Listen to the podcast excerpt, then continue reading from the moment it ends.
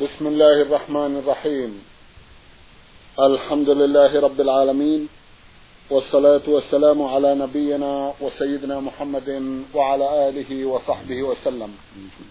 مستمعي الكرام السلام عليكم ورحمة الله وبركاته وأسعد الله أوقاتكم بكل خير. هذه حلقة جديدة مع رسائلكم في برنامج نور على الدرب. رسائلكم في هذه الحلقة نعرضها على سماحة الشيخ عبد العزيز ابن عبد الله بن باز الرئيس العام لإدارات البحوث العلمية والإفتاء والدعوة والإرشاد. مع مطلع هذه الحلقة نرحب بسماحة الشيخ ونشكر له تفضله بإجابة السادة المستمعين فأهلا وسهلا بالشيخ عبد العزيز. حياكم الله وبارك فيكم. حياكم الله. أولى رسائل هذه الحلقة رسالة وصلت إلى البرنامج من الجمهورية العربية السورية. وباعثتها إحدى الأخوات المستمعات من هناك رمزت إلى اسمها بحرفين هما ميم عين. تقول في رسالتها واحدة رضعت من عمتها مع ابن عمتها الصغير. فهل يجوز لها أن تتزوج من أخيه الكبير؟ بسم الله الرحمن الرحيم. الحمد لله وصلى الله وسلم على رسول الله. وعلى آله وأصحابه من اهتدى بهداه. أما بعد فإذا كانت هذه الجارية رضعت خمس رضعات أو أكثر من عمتها مع ابنها الصغير فإنها تكون أختا لجميع أولاد العمة ولا تحل لا للصغير ولا للكبير بل تكون أختا لهم. إذا رضعت خمس رضعات أو أكثر حال كونها في الحولين. من عمتها فإن عمتها تكون أما لها. ويكون أولاد العمة ذكورهم وإناثهم إخوة لهذه الرضيعة لا يجوز لها أن تنكح منهم أحدا. وفق الله الجميع. نعم. جزاكم الله خيرا. حتى أخوها الكبير حينئذ مطلقة مطلقة, مطلقة. جميع أولاد العمة إخوة لها. جزاكم وإخوان العمة أخوال لها. وأخواتها خالات لها. والزوج أب لها زوج العمة الذي رضعت من لبنه أب نعم. لها وأولاده إخوة لها نعم. جزاكم الله خيرا. المستمع محمود سوداني بعث برسالة يقول فيها يوجد جماعة يدعون أنهم ذرية الرسول صلى الله عليه وسلم ويقوم بعض الناس بمبايعتهم كما كان النبي صلى الله عليه وسلم يبايع. والسؤال هل للنبي عليه أفضل الصلاة والسلام ذرية؟ وهل تجوز مبايعتهم على هذا الأساس؟ علما بأنهم متخذين لوالدهم ضريحا ويسكنون بجواره. نرجو التوضيح وتبيان حكم الدين في هذا الادعاء ولكم الأجر والثواب من الله سبحانه وتعالى. نعم لا له صلى الله عليه وسلم ذرية من جهة بناته. أما أولاده الذكور فماتوا صغارا ليس لهم ذرية وإنما ذريته من جهة البنات من جهة الحسن والحسين أولاد فاطمة رضي الله تعالى عن الجميع لهم ذرية للحسن وللحسين ذرية فهم إذا حفظ نسبهم وضبط بالبينة يعتبرون من بني هاشم ولا تحل لهم الصدقة الزكاة. يقول النبي صلى الله عليه وسلم لا تنبغي إنها لا تنبغي لآل محمد إنما هي أوساخ الناس. فالصدقة لا تحل لآل محمد إذا كانوا من ذرية الحسن أو الحسين أو غيرهما من ممن ينتصر ببني هاشم كأولاد علي مطلقا كأولاد محمد بن علي وغيره. فالحاصل أن من كان من ذرية بني هاشم فهم من آل بيته صلى الله عليه وسلم. ومن كان من ذرية الحسن والحسين فإنهم يعتبرون من ذريته صلى الله عليه وسلم من جهة البنات. كما قال في الحسن إن ابني إن ابني هذا سيد. فسماه ابنه وهو ولد بنت فأولاد البنات ذرية. قد سمى الله عيسى من ذرية آدم وهو من ذرية مريم من ذرية بنته من مريم. وليس له أب عليه الصلاة والسلام. وأدخله الله في الذرية. ذرية آدم وذرية إبراهيم. فالحاصل أن أولاد البنات من ذرية جدهم الذي هو والد أمهم. فما من عرف بالبينة الشرعية أنه من بني هاشم سواء كان من أولاد الحسن أو الحسين أو غيرهما فإنه يعتبر من أهل البيت ولا يجوز لهم الأخذ من الزكاة. بنص النبي عليه الصلاة والسلام. وأما البيعة فلا أصل لها. لا يبايعون إلا من استولى على مسلمين ورضيه المسلمون وبايعوه. هذا لا بأس. مثل ما بويع علي رضي الله عنه لما تولى أمر المسلمين بعد عثمان رضي الله عنه. فالبيعة لا تكون إلا لولي الأمر. إما بالقهر والغلبة إذا تولى على المسلمين وقهرهم بسيفه بايعوا كما بايع المسلمون عبد الملك بن مروان وبايعوا الآخرين أو باتفاق أهل الحل والعقد على بيعة إنسان يتولى عليهم لكونه أهلا لذلك. أما بيعة أفراد الناس هذا شيء لا أصل له. أو بيعة رؤساء الجمعيات هذا شيء لا أصل له. البيعة لا تكون إلا من جهة أهل الحل والعقد في البلاد التي فيها دولة ليس فيها سلطان ليس فيها أمير. فيجتمع فيجتمع الحل والعقد على بيعة إنسان أهل لذلك لأن سلطانهم أو رئيس جمهوريتهم قد مات فيتفقون على بيعة إنسان بدلا من الميت أو يبايع إنسان استولى عليهم بالقوة والغلبة حتى صار أميرا عليهم بالقوة والغلبة فإنه يبايع حينئذ. نعم. جزاكم الله خيرا. المستمع جابر محمد محمود مصري بعث برسالة يقول فيها إنني أعمل خارج بلدي. وبحمد الله استطعت أن أجمع مبلغا لا بأس به من المال وأحب أن أخرج الزكاة لكني لا أعرف مقدار الزكاة الواجبة ولا لمن تعطى. هل تعطى للمساكين المتجمعين أمام المساجد؟ أم للمحتاجين من الأقرباء؟ وهل يجوز لي أن أرسلها لمن أرى أنه يستحقها من أبناء بلدي خارج البلد الذي أعمل فيه؟ أرجو الإفادة عن هذه القضايا. جزاكم الله خيرا. أما الزكاة فهي ربع العشر بالنص عن الرسول صلى الله عليه وسلم وبإجماع المسلمين في مسألة النقود وعروض التجارة. يعني سهم من أربعين سهما ربع العشر من الذهب والفضة وما يقوم مقامها من العمل. وقيمة عروض التجارة كالسيارات والأراضي وأشباه ذلك.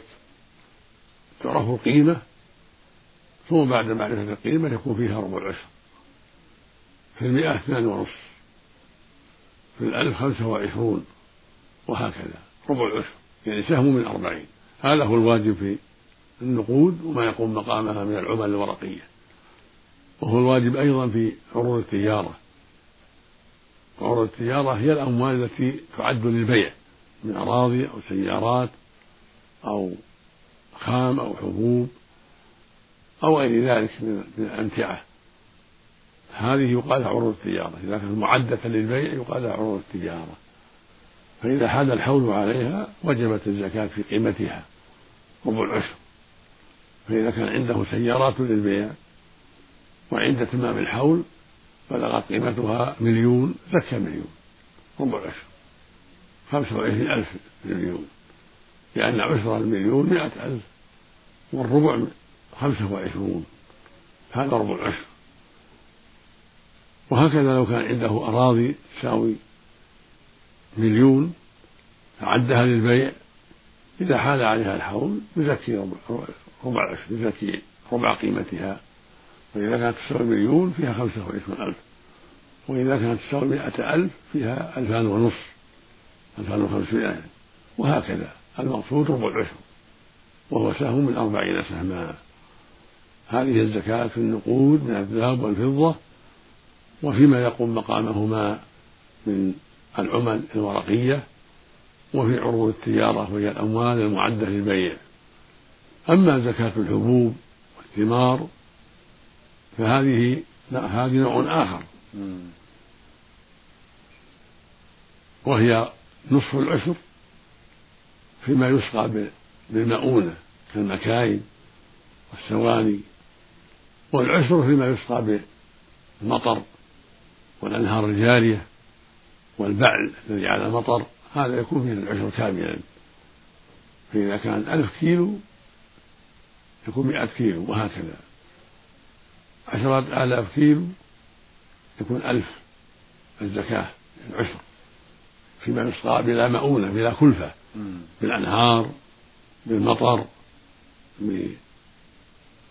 بالبعل كونه يبذر في الأرض ويصلح على ندوات الأرض التي فيها الماء. من غير حاجة إلى مكائن ولا سواني ولا تعب. هذا فيه فيه العشر كاملا.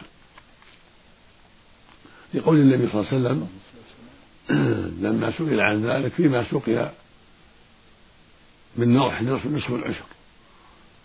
وفيما سقي بالأنهار العشر.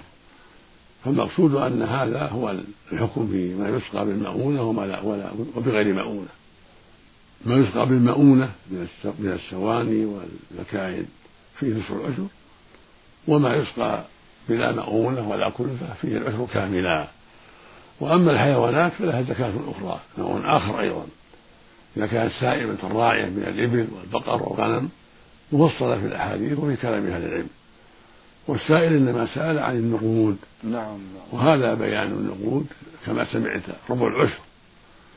أما إخراجها فإنها تصرف في الفقراء والمساكين وغيرهم ممن سمى الله في قوله جل وعلا إنما الصدقات للفقراء والمساكين والعاملين عليها والمؤلفة قلوبهم وفي الرقاب والغارمين وفي سبيل الله وفي السبيل فريضة من الله والله عليم حكيم.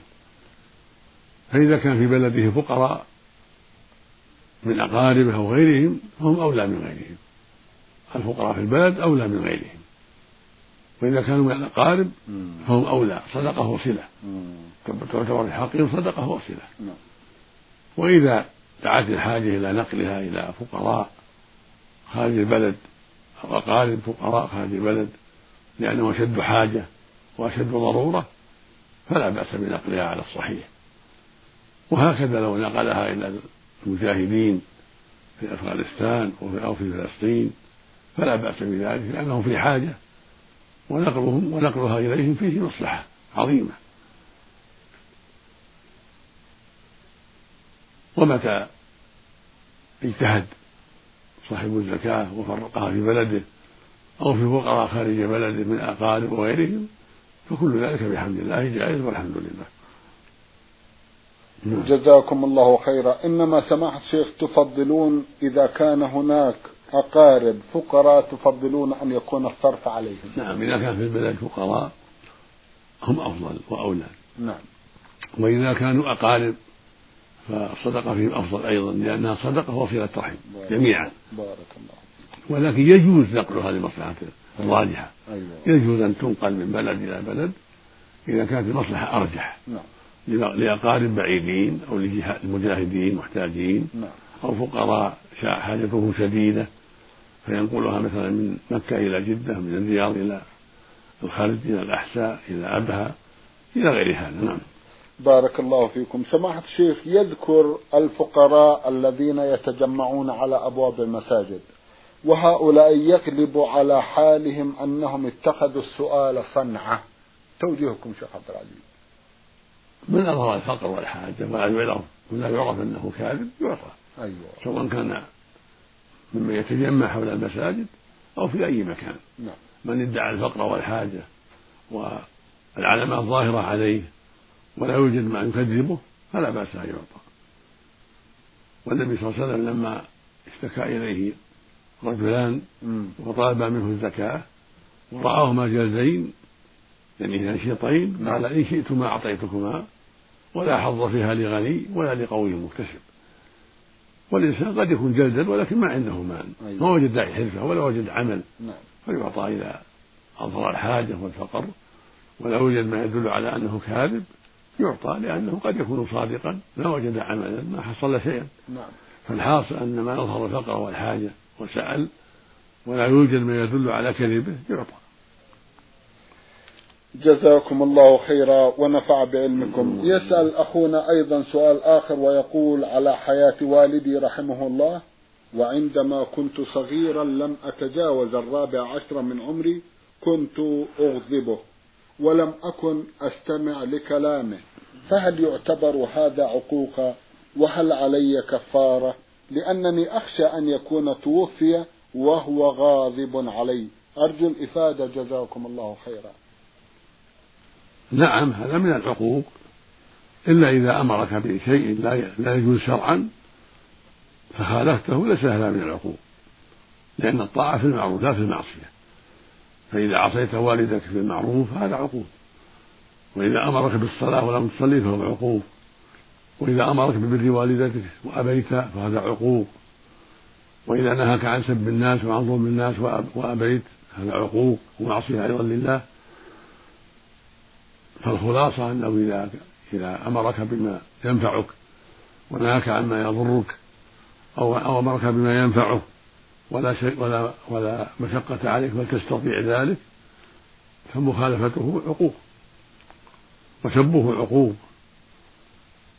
أما إذا كان ذلك في معاصي الله فإنه لا يجوز لك أن تطيع في معاصي الله. إذا قال لك لا تصلي في الجماعة ما يلزمك طاعته. أو قال لك اشرب الخمر ما يلزمك طاعته. أو قال لك استعمل الدخان لا ليس لك طاعة في هذا. لقول النبي صلى الله عليه وسلم إنما الطاعة في المعروف. وقوله عليه الصلاة والسلام لا طاعة للمخلوق في معصية الخالق وعليك أن تستغفر الله وتتوب إليه مما قصرت في حق والدك وإذا كنت لم تبلغ الحرم لم تبلغ الحلم الأمر أسهل. إذا كنت حين حين معصيتك له صغير لم تبلغ الحلم فالأمر أسهل ولكن مع هذا كله تدعو له كثيرا تستغفر له كثيرا وتصدق عليه إذا استطعت وتستغفر الله من تقصيرك لأنك قد تكون تساهلت في ذلك بعد الحلم. نعم. جزاكم الله خيرا. ننتقل إلى رسالة أخرى وصلت إلى برنامج من المستمع صفاء حميد من العراق. أخونا له جمع من الأسئلة في أحدها يسأل ويقول ما حكم الإسلام في امرأة تصلي وتصوم ولكنها لا تتحجب؟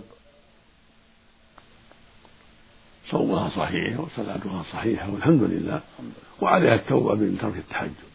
المعصية لا تبطل صلاتها ولا صومها هذه المعصية عدم التحجب أو كونها قد تكلم كلام وهو طيب كالغيبة أو النميمة هذا لا يبطل صلاتها. ولكنه نقص في إيمانها وضعف في إيمانها وعليها التوبة إلى الله من ذلك. هكذا الحجاب كونما تترك التحجب عن الرجال هذه معصية.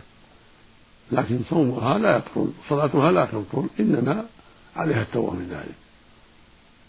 ويعتبر عدم التحجب ضعفا في الإيمان وكذلك كونها تغتاب الناس أو تفعل أشياء من المعاصي غير ذلك هذا نقص في الإيمان وضعف في الإيمان. إذا أدت الصلاة بشروطها وواجباتها في وقتها صلاتها صحيحة وهكذا الصوم. إذا صامت عما حرم عليها تعاطيه في حال الصوم صومها صحيح. ويؤدي عنها الفرض. لكن إذا كانت تعاطت بعض المعاصي يكون نقصا في صومها كالغيبة أو الكذب ونحو ذلك يكون نقصا في صومها وضعفا في دينها. نعم. جزاكم الله خيرا. هل تتفضلون سماحة الشيخ ببيان حكم الحجاب أثناء تأدية الصلاة بالنسبة للمرأة؟ نعم. تفضل. عليها أن تستتر في كل بدنها ما عدا الوجه. والكفين الواجب على المرأة أن تكون مستورة في جميع بدنها حال الصلاة حتى الرجال حتى القدمين. عليها أن تكون ثياب ضافية تستر القدمين أو يكون على القدمين خفان أو جوربان أما الوجه فلا يجب ستره بإجماع المسلمين بل الأفضل كشفه الوجه تكشفه في الصلاة. إذا كانت خالية ليس عندها أجنبي بارك الله فيكم. عليها أن تكشف وجهها تصلي مكشوفة الوجه. هذا هو السنة وهذا هو الأفضل. إلا إذا كان عندها رجل ليس محرما لها فإنها تغطيه عنه. وأما الكفان فالأفضل سترهما. وإن كشفتهما فلا حرج إن شاء الله. نعم. جزاكم الله خيرا. نذر أحدهم نذرا فلم يقدر أن يوفيه لله سبحانه وتعالى. ماذا يفعل؟ هل ينتظر حتى يتمكن أم أن هناك كفارة؟ ينتظر حتى يعينه الله. مثل نظر أن يصوم ولكن أصابه مرض ينتظر حتى ينزل المرض. أو نذر أن يتصدق بمال وليس عنده المال يكون في ذمته.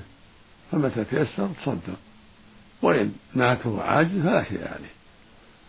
ولكن يخرج من التركة إن كان له تركة.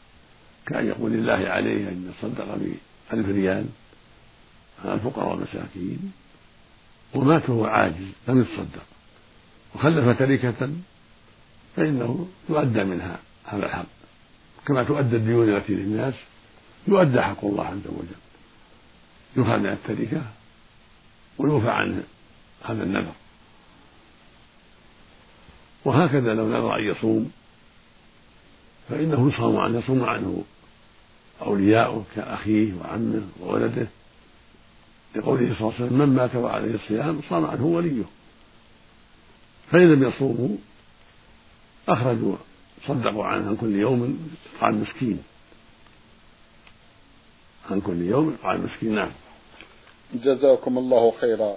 مستمع يسأل ويقول الدعاء المأثور عن النبي صلى الله عليه وسلم. هل يشترط أداؤه نصا ولا يجوز أن ينقص منه شيء؟ الدعاء مستحب. إذا دعا به كله أو دعا ببعضه أو تركه ما ما, ما يلزم. إذا كان هو فرض. أما الدعاء لمفروض مثل رب اغفر لي بين السيدتين نعم. هذا يأتي بين السيدتين. وكذلك الدعاء بالتعاون على عذاب جهنم من عذاب القبر ينبغي يأتي به لأن السنة مؤكدة. وقد رأى بعض أهل فرضيته فينبغي له ألا يدع في الصلاة.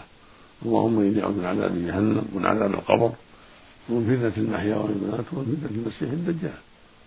يعني في التشهد الأخير قبل أن يسلم. نعم. وأما الدعوات الأخرى التي ليست فرضا فهو مخير. كان النبي يدعو في يدعو في صلاته اللهم اغفر لي ذنبي كله دقه وجله وأوله وآخره. وعن يدعو السر يدعو بهذا في السجود. إن دعا به فلا بأس وإن تركه فلا بأس. واكتفى بقول رب اغفر لي إذا اكتفى بقول رب اغفر لي أجزاء ذلك. وإن قال اللهم اغفر لي ذنبي كله دقه وجلة أجزاء. وإن كمل فهو أفضل.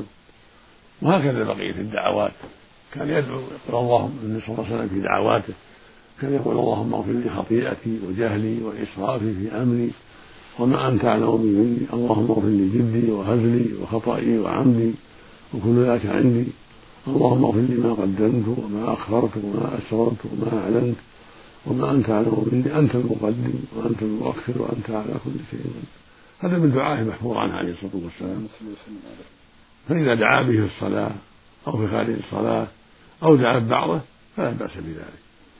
وهكذا من دعائه العظيم اللهم أصلح لي ديني الذي هو عصمة أمري وأصلح بلادي التي فيها معاشي وأصلح لي اخرتي التي فيها معادي. واجعل الحياة زيادتي في كل خير واجعل الموت راحة لي من كل شر. هذا دعاء عظيم رواه مسلم في الصحيح. فإذا دعا به في سجوده أو دعا به في آخر التحيات أو دعا به خارج الصلاة فكله طيب.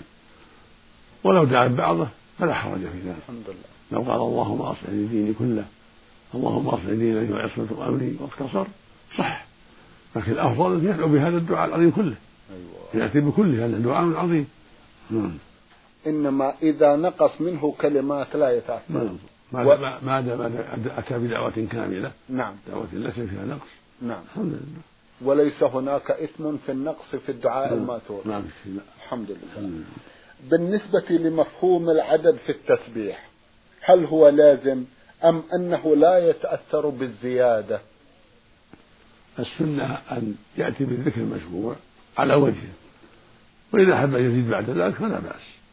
يأتي مثلا بعد الصلوات بالتسبيح والتحميد والتكبير 33 نعم.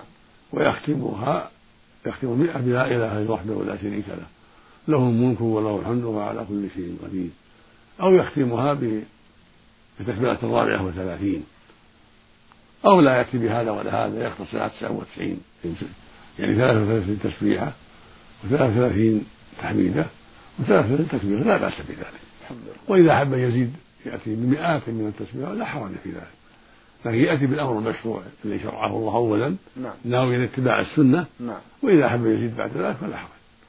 قد يعجز بعض الناس سماحة الشيخ عن الضبط.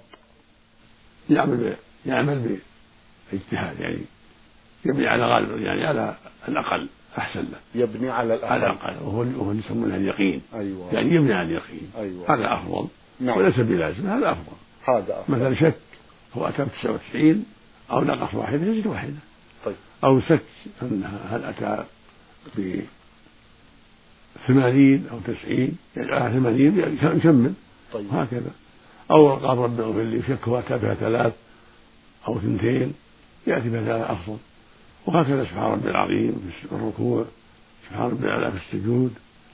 شك هل أتى باثنتين أو ثلاث يعني ثلاث يأتي باثنتين ويأتي بثلاثة أفضل. وإلا في الواجب مرة. الواجب سبحان ربي العظيم في الركوع مرة واحدة. نعم. وفي السجود سبحان ربي الأعلى مرة واحدة. لكن إذا أتى بها ثلاث يكون أفضل. وإذا أتى بها خمس يكون أفضل. وهكذا. كل ما زاد فهو أفضل.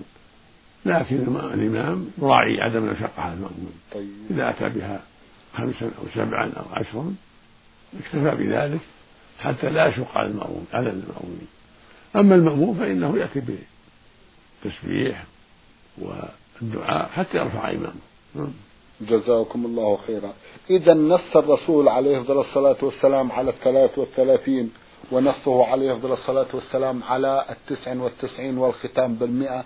لا يؤثر إذا زاد العبد عن هذا من باب التأكد أنه أتى بالمطلوب. نعم. إذا زاد عليها قصد الرغبة في الخير فلا نعم. بأس. يكتب له أجر هذا الذي أخبر به النبي صلى الله عليه وسلم. وما زاد يعطى أجره من عند الله جل وعلا. جزاكم الله خيرا ونفع نعم. ننتقل إلى رسالة وصلت إلى البرنامج من أحد الإخوة المستمعين من حضرموت يقول المرسل عين عين غين. في أحد أسئلته يقول لقد قرأت في كتاب مغني المحتاج إلى معرفة معاني ألفاظ المنهاج للشيخ محمد الشربيني. حديثا يقول فيه عن ابن عباس أن النبي صلى الله عليه وسلم كان إذا قام من الصلاة وضع يده بالأرض كما يضع العاجن. ما مدى صحة هذا الحديث وما معناه؟ جزاكم الله خيرا. المعروف أنه ليس بصحيح. والإنسان يعتمد كيف شاء على يديه. على بطونها أو على ظهورها يعتمد حيث, حيث شاء. هذا هو الأصل. وإذا اعتمد على ركبتيه إذا كان قويا نشيطا فهو أفضل. وإن احتاج الأرض اعتمد على الأرض. ببطون يديه أو بظهور أصابعه كل ذلك لا حرج فيه والحمد لله. الأمر في هذا واسع. الحمد لله. وأما كون على صفة العاجن فليس عليه دليل صحيح. أيوة. جزاكم الله خيرا. يقول أخونا بلغني عن رسول الله صلى الله عليه وسلم أنه قال اختلاف أمتي رحمة. هل هذا صحيح؟ ليس بالصحيح ليس من كلام النبي صلى الله عليه وسلم وإنما هو من كلام بعض التابعين. والنبي صلى الله عليه وسلم يقول هذا عليه الصلاة والسلام. بعض التابعين قال ما أرى أصحاب النبي صلى الله عليه وسلم إلا رحمة من الله. مم. يعني حتى ينظر المجتهد ويتأمل الدليل فالاختلاف بين العلماء فيه مصالح للمسلمين وإن كان الاجتماع أفضل وأحسن. الاجتماع فيه الرحمة والخير كما قال الله جل وعلا ولا يزالون مختلفين إلا من رحم ربك فال- فالرحمة مع الجماعة. ولكن إذا وجدت المسألة التي فيها اختلاف بين العلماء فعلى العالم أن ينظر في الدليل ويجتهد في ترجيح ما قام عليه الدليل. وليس له أن يتساهل في هذا الشيء ولا يتبع هواه. بل ينظر في الأدلة الشرعية وما رجح عنده في الدليل أنه هو المراد في الشرع عمل به سواء كانت المسألة فيها قولان أو ثلاثة أو أربعة يتحرى الأدلة الشرعية من الآيات والأحاديث وينظر بعين البصيرة وبالتجرد عن الهوى والتعصب فمتى رجح عنده أحد القولين أو الثلاثة أخذ به. نعم. جزاكم الله خيرا. سماحة الشيخ في الختام أتوجه لكم بالشكر الجزيل بعد شكر الله سبحانه وتعالى على تفضلكم بإجابة السادة المستمعين وآمل أن يتجدد اللقاء وأنتم على خير. نرجو ذلك. مستمعي الكرام كان لقاؤنا في هذه الحلقة مع سماحة الشيخ عبد العزيز ابن عبد الله بن باز الرئيس العام لإدارات البحوث العلمية والإفتاء والدعوة والإرشاد. شكرا لمتابعتكم وإلى الملتقى. وسلام الله عليكم ورحمته وبركاته.